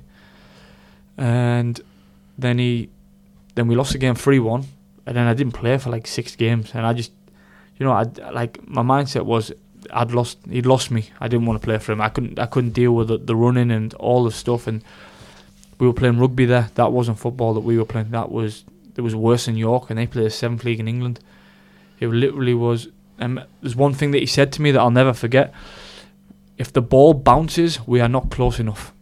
He said on a goal kick, if we, we kick it and uh, they head it, and the ball touches the floor, we're in the wrong positions. And I thought, what is that kind of football? And every every, every time we got the ball, the defenders they just had to kick it forwards. They had to kick it forwards, and like I went from being in good shape, 70 odd kilos to 87, a fat 87 kilos. Because when you're running that much, you eat so much more. Yeah. And then you just like, you put it on because trainings, the tempo and trainings weren't great. So I was still eating and eating and eating. And I remember I posted on Instagram, I went from like I was a fat 87 kilos to went went down to 80 kilos and I was in crazy shape. That was because I wasn't playing because I knew what to eat and what what I was doing. And he just wasn't playing me. And then all of a sudden I got back in the team. We played Tromsø away, scored, and I was in the team for a little bit, scoring, assisting, and then we played Rosenborg away. Took me off half time again. I was one of the better performers on the game, and I thought I can't do this again. And that was for me. That's when I said to Oli, I need to, I need to go. I need to get out of here. I don't mind going back to Iceland because, for me, I'd rather be in Iceland than be in Lillestrøm. I really thought that. And the new coach, we got a new Swedish coach in July and he put me in the team straight away. I think he'd seen a few of the games. He put me in the team straight away. We had played last glints on a in the Europa League. It was like it's like Valur playing third division team in, uh, in Iceland. It was it wasn't. We never had a chance. You know, No. we never really had a chance. Uh, so I played both of them games. Didn't really get a chance, and then Arnór signed Arnór Smárason. He came in, it's his play, and he started scoring straight away. And they always said, I don't mind sitting on the bench if both of the strikers are scoring. I'm not the type of person that. And they were both scoring, and I was happy. I was getting 10, 15 minutes. I didn't mind that because if they were doing their job, that's fine by me. Th- that's the way it should be. You should be happy if the other players performing. You have to wait your turn, and that was fine. And then it got to a point where Thomas, the striker, was missing a lot of chances, and I wasn't getting a chance, and I was still doing well in training. And then it got to the point where I just knew I didn't want to be there because then I was out the squads, and then I couldn't live in Norway. I couldn't live there. Just living there was obviously I'd gone from Belgium where it was fantastic culture and living to Norway, and I just knew that I knew I wanted to, I knew I wanted to go back to Iceland. The problem is when I was in Iceland before, I didn't want to be here because I wanted to go to, to higher leagues. I think that's people understand that like think oh well he wanted to leave and now he's back, but I always wanted to go to higher leagues just to see it, and I think. If you have the right manager, you can perform. If I if I'd have been in Lillestrøm with the right manager, I would score goals. Mm. Uh, It's as simple as that.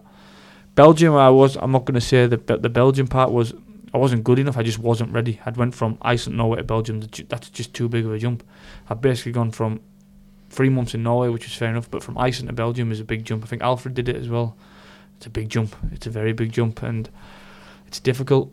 But and I just knew in July. I thought, but I was playing every game in July. I played the derby games, and I was playing, starting, and I wanted to come back. And I got offers from Breiðablik and Stjarnan, interest from Stjarnan. They messaged me. The assistant, he's a national team of the women's now, and and I just felt like, well, I'm playing every game. There's no need to go back yet. It might change because football changes quickly, and it didn't change. the the manager got sacked, and th- there's a story I've got here. The way the way he got sacked is, I didn't understand it because I was stepping out of line in January and February, like playing up, saying I, I don't agree with what we're doing, you know, and all the players they were saying, oh yeah, you're right, Gary, it's, this is not how we should do it, but they didn't did anything about it, you know, they just said it to me, and they continued doing what he said because they were players from maybe the third division he'd signed that he'd give a chance to. So they felt like they owed him everything. It's similar to when I played for Rúnar. I felt like I owed him something, so I had to perform. But Rúnar wanted to play football. This guy wanted to, to play rugby, and I was like, "Ah, I'm not. Don't want to play rugby. I want to play football, and I don't want to run every day. And they were like, there were guys that were like crying wolf, but they didn't do anything about it. But then when they were all sick, they were all fed up. I'd been fed up months ago. They all they all had a meeting, and they all voted for him to be sacked. The captain called a meeting, and then they all said, "Yeah, we want him sacked." And I just thought, you, you're a bunch of pussies. That was my opinion of it. You said said it months ago, but you didn't do anything. But now you are all sick. you all want him sacked. And at that point, I didn't want him sacked because I was playing, you know. And I thought like that just shows you what kind of people they were. They were just such a knitted group that they'd never. It's easy when I stepped out of line to put me on the bench, Yeah. but for that you couldn't put ten players on the bench. So, and then I just thought, right, I'm fed up with this. Get me out of Norway. Get me, get me back to Iceland. Yeah. And, and did you speak to many other Icelandic clubs than Valur? Uh, Could I you gone back to KR? I spoke to Rúnar in September, and I said to him, "Look, I'm thinking about coming back," and he told me that the, the they probably couldn't offer me what I wanted, and I I said, "Do you know what I mean?" Like I said, I have a contract in Lillestrøm for two years, and I, at that time I was the highest paid player in Lillestrøm. I said, I don't need to leave. They need me to leave because obviously, if they take me off their wage bill, then they can bring in a player for, for my salary or more, who they're going to use, who the coach likes, which is fair enough. And I didn't want to be there. So I said, I don't mind sitting there till March. And I told my agents, I don't mind staying in Norway till March for the Icelandic teams to be able to, to agree to, to I want to come back. But obviously, we I spoke to KR and Stjarnan, and we spoke to Valur, but they didn't want me. They had Patrick. You know, I'm not going to come take Patrick's place. He'd scored 17 goals last season, which is normal. So obviously, uh, we didn't hear anything. Valur just said, no, it's pointless to have Gary and Patrick. It makes no sense. So I- was just waiting from offers from KR and Stjarnan, and I was going home after the season. I told Lillestrøm I'll be back no matter what in January because for me it made no difference if I came back or not. I would have just done a pre-season there, then came to Iceland. And I spoke to Rúnar a few times, but I completely forgot that Bjarni was at KR while I was speaking to Rúnar and I didn't tell him this, but it, I'm not, I've not nothing against Bjarni. He's a great player. Like I say, he's the best player I've ever played with, in my opinion. Even though I've played with players in bigger leagues, Bjarni was he was fantastic and he's a good guy. But I couldn't be under him again. I didn't feel, and I didn't tell anyone. I just told like the media that straight away I will not be going to KR. I didn't even tell Rúnar that I was going to do it. I just thought I'm not going to go against my morals or get Rúnar to persuade me if he wants me, because I don't want to play under Bjarni. I don't want to be. It's just the way after 2000 feeling I had feeling I had about him as a coach and manager. I don't want to play for him, so I just said I will not be playing in, in, in Vesturbær this year, which obviously cuts out an option. So then it only leaves like maybe three or four teams. And I was just ready to go back. Uh, I, I was waiting for an offer from Stjarnan from October time. I think they said or October, November time maybe, or October, November. That, so I thought, oh, I'm going to Stjarnan.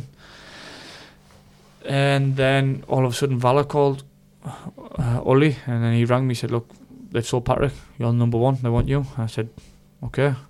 And then we agreed to contract in four hours. And then at the same time, I got the offer from Stjarnan, but it was nowhere near what Valur had, had offered, and that was it. Uh, so they were only the teams I really spoke to because I didn't really know what was going on. It was, like I say, football changes so quick. From one minute, Valur didn't want me. Patrick's gone. I was uh, within 24 hours as soon as Patrick was sold. The same day I seen Patrick was sold, they made the offer. So Yeah. So, so it didn't uh, get to the stage KR would give you no? I didn't even get an offer from No. Carl because I think Bruno, uh, we agreed that probably I would wait till March and then come back to Iceland because I didn't mind doing pre-season in Norway because you're indoor every day in Lillestrøm in the hall. They water the pitch in the hall, which I think I, I was watching A's hall the other night. They just need to get a tractor and just sprinkle water over it. The quality would be so much higher. Uh, and they were going to Marbella, so that would have been nice in February. And then March, I'd have been come back to Iceland, training, and then going abroad again. So, no, I didn't even get to get an offer from KR. Uh, so that was that because I didn't wait properly. but I, I couldn't wait. Yeah, the, the Icelandic champions two years in a row, and they've been dominating the league. You, you can't say no. Yeah, How old will it be for you to replace Patrick Pedersen? It's going to be difficult. Obviously, Patrick's been been in Valur with Ollie for a few years, and uh, and Valur have tried to sign me a few times. They tried to sign me before I went to Lillestrøm on loan. Viking said no, and I think they got Patrick maybe the year after. I don't know. They had, don't know. They had that year, but uh, yeah, they, did they win? They won the League Cup in 2016, or did they not win anything? They won cup in 2016, Yeah, yeah. they won the cup. I think League Siggy scored 2017. Yeah. So I remember then they got, and then they yeah they tried to get me a few times, and then I remember Patrick going back, but Patrick's he's played with them players a lot, so he knows him. They know Patrick, and I'm completely different to Patrick. Patrick is like a. He's like a Thomas Muller as a striker. He's weird. He's he's not quick. He's not strong, but he, he's strong enough. He's quick enough. He's not like he's not. Technically, he's very good. He's got a good first touch and he, he can score goals. But I'm completely different to Patrick. I I don't know if Patrick was pressing high. I don't know. I didn't watch all the games from Valur, but we're completely different players. We were perfect to play together, but Valur only play with one. So it's going to be goal wise. I think if I get the chances, I can get somewhere around there. Maybe maybe more. It depends. Depends. You got to stay injury free and. But style of play, I don't know because I don't know how he was playing and if he was a link up man or he was just standing up front. Uh, so I think I'll bring more energy to the team. I'll I'm a bit more of a of a runner. I'll run more deep, so it will free up other players. Uh, but goals wise, it's it's going to be hard because he got 17 uh, last season, which is I think is one of the highest for for a while. Yeah. Andri Rúnar got 19, I think, Yeah. didn't he? But your aim is to, to match that. Yeah, my well, my first aim is just to win the league because I'm happy to be here now. You know, I- every time before I was in Iceland, I was a bit selfish. I only cared about myself and wanted to score goals and leave and pick up trophies along the way. But my main aim was was Gary. Gary has to score. Gary has to get out of Iceland. but now I'm happy to be back. So yeah, obviously my aim will be to win the Golden Boot. But I'd take winning the league over the, and not scoring a goal. I'd rather just w- keep winning the league, and if I can score 10, 10 and win the league would be perfect. But Golden Boot win the league would be a dream. But there's no point in scoring goals and not winning anything. Exactly, exactly. Uh, what do you think about this Svala team? Very strong squad. Do you think you can do well in Europe as well? Yeah, it's a crazy squad. It's you can't move in the dressing room. You, two people on each peg. Uh, so yeah, it's, it's it's crazy. It's a, similar to to the team we had 2013 KR. They had a ridiculous squad then, uh, but I think this squad's got much more quality, and it's it's much younger as well, which is a scary thought. And a lot of them have played together. But there's a saying in England: you always you should always buy when you're strong. So they've won the league. They added, they won the league again, and they've added again because there's no point in winning the league and then not adding players because you think you're the best, and the other teams add players and then they catch up on you. So they're doing it very smart. They're buying when they're strong, not adding when they're strong. But yeah, it's it's cra- it's a crazy squad. Uh, Europe, it all depends on the draw. It doesn't matter.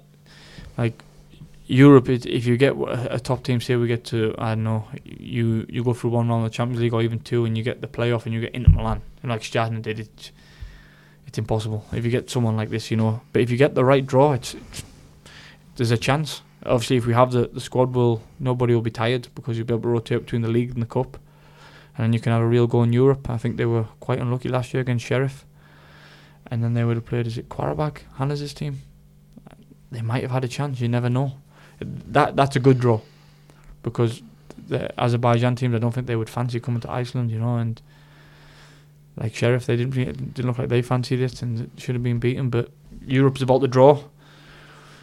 Uh, so if we get the right draw, I believe we have the quality. Uh, I I've been training a few days and the quality, the tempo, is much higher than the Lillestrøm team last year. Yeah.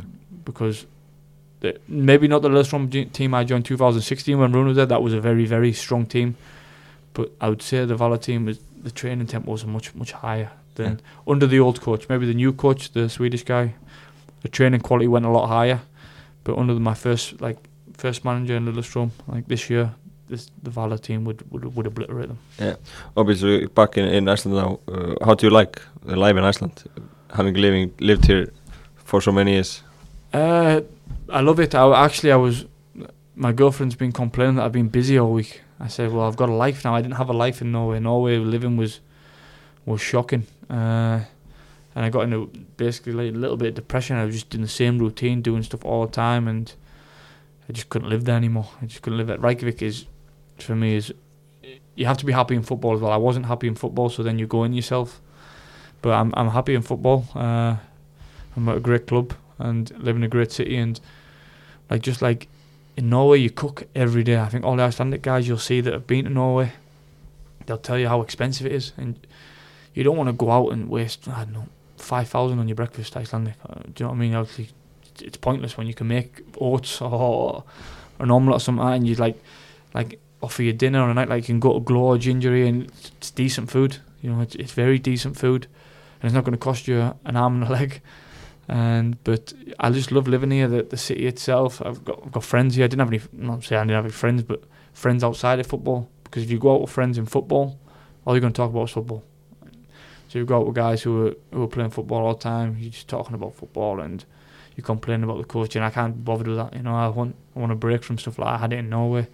So it, it's good to have a life outside of football here in Iceland. I know everything, know where everything is. Like if I would have been coming here in Norway, I'd probably had to take a bus and would have been Google Maps. Like today, I just jump in the car and I, I can come. Didn't have a car in Norway, which is a, which is obviously it's not nece- uh, like necessary in, in Lillestrøm, but it's it's a good thing to have. Like the gym in it, like world classes and stuff like this. Like when I want to go to the gym, I can go on my own time. Don't have to put like a big massive jacket on and walk 15 minutes through Lillestrøm in, in the snow and just it's completely different lifestyle. And like Reykjavik for me, that I just love love being in the city that it's always doing something. Lillestrøm wasn't like a lively city. Oslo might have been different, but like I said, living in Reykjavik and Iceland, the people are great. Uh, like the trainings we trained again this morning, like we we're, we're professionals. We're training at ten, which is first thing for me. It's new in Iceland. Like Ollie had the the foreigners in this morning. Siggy was in Icelandic guys and the keepers. That's never had that in Iceland before. It's always been five o'clock, and I'm I'm just very happy to be able to like be able to do stuff when I want to do it outside of football Mm. and not being on a set time frame or in a stuck in a horrible routine. But other than that, it's it's great to live here, and for me, it's the second best city after Dalton. Uh, you talked about getting uh, a Icelandic citizenship a few years Yeah. ago. Is that something you still yeah, want? I I went well. I went down to the registry office the other day, but for for other reasons. But yeah, it's something I would look at, and I'm gonna do it this week or, or next week. I need to start the ball rolling with that and just see see where it leads. Obviously, it's not just for f- football reasons. It's all the benefits with health and stuff. If something happens to me and like if I ever want to live here permanently full time, I think I would have to take it eventually. I, I'm not too sure. I don't think you can just live here for a foreigner your whole life with no ties to Iceland. Obviously, football will will finish soon, so it will help me otherwise in a job that I've got a citizenship that I belong in the country. yeah. so, so you want to live here in the future? You never know. Obviously, When you got an hang up the boots. missus- Yeah, I, no, probably not after I hang up the boots. I don't know. You never know if if I do my football coaching. I don't know what I'm going to do. Uh, but you never know. You never know what's going to happen in life. I thought I was I was thought I was here for life last time, and it changes so quickly. Obviously, I see my life at home in England, moving home one day, but doesn't mean I can't live in England and still come out for work if if, if I do coaching or you, whatever else it is.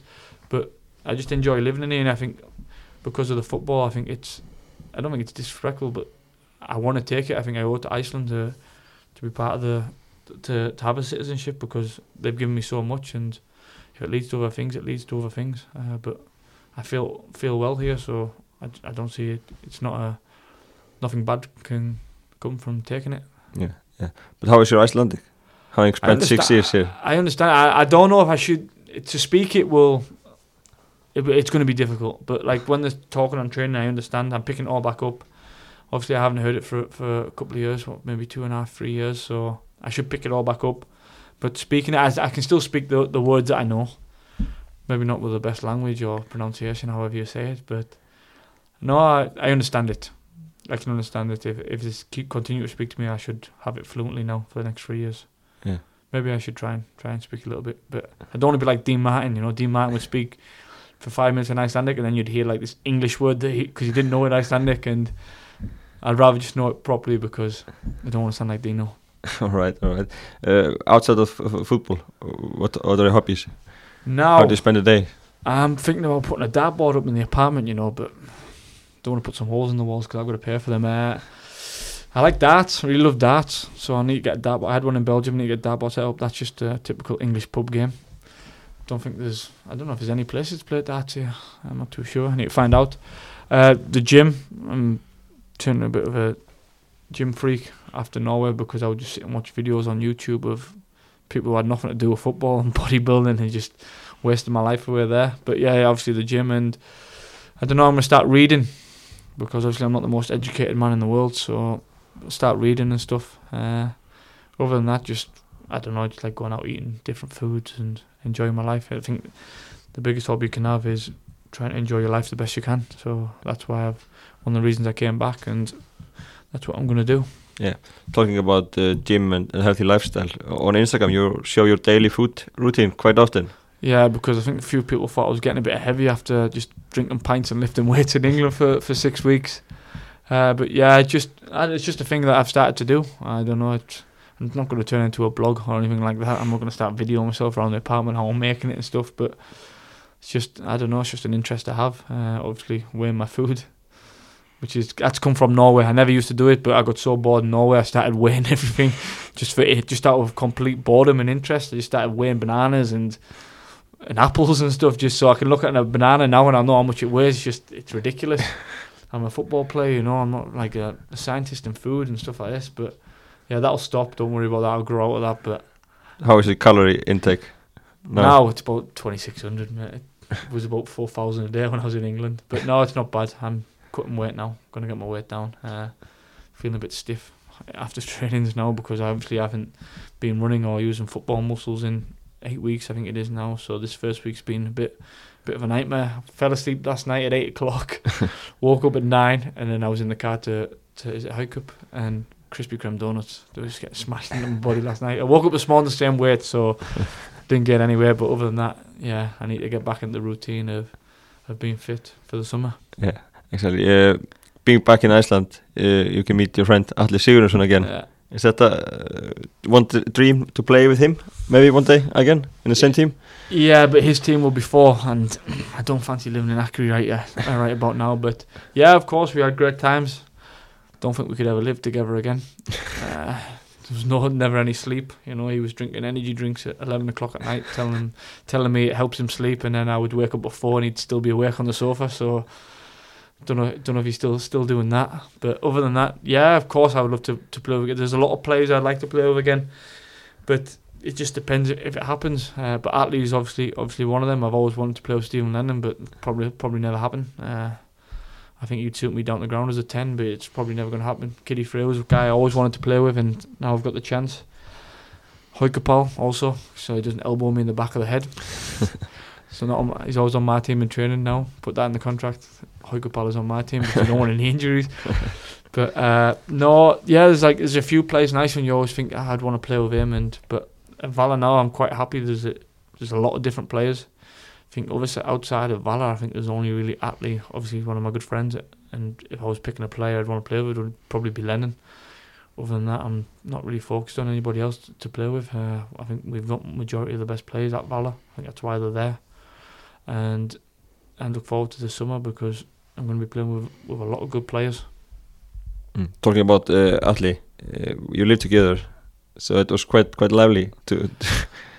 And I could, I honestly, I need to write a book on some of the stuff I experienced with him. It's, it's not normal. Uh, it really isn't not normal. Uh, it was, yeah, it was one of the funniest experiences of, of my life uh, because he is, he's not as daft as me. He just doesn't think.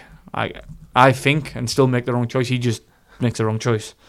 So yeah, we have we have a lot of a lot of memories. We always talk about it. Like a lot of videos come up on my Instagram. Uh, from memories years ago. But it was good to live with him. He's he was similar to me in a way, apart from he doesn't drink.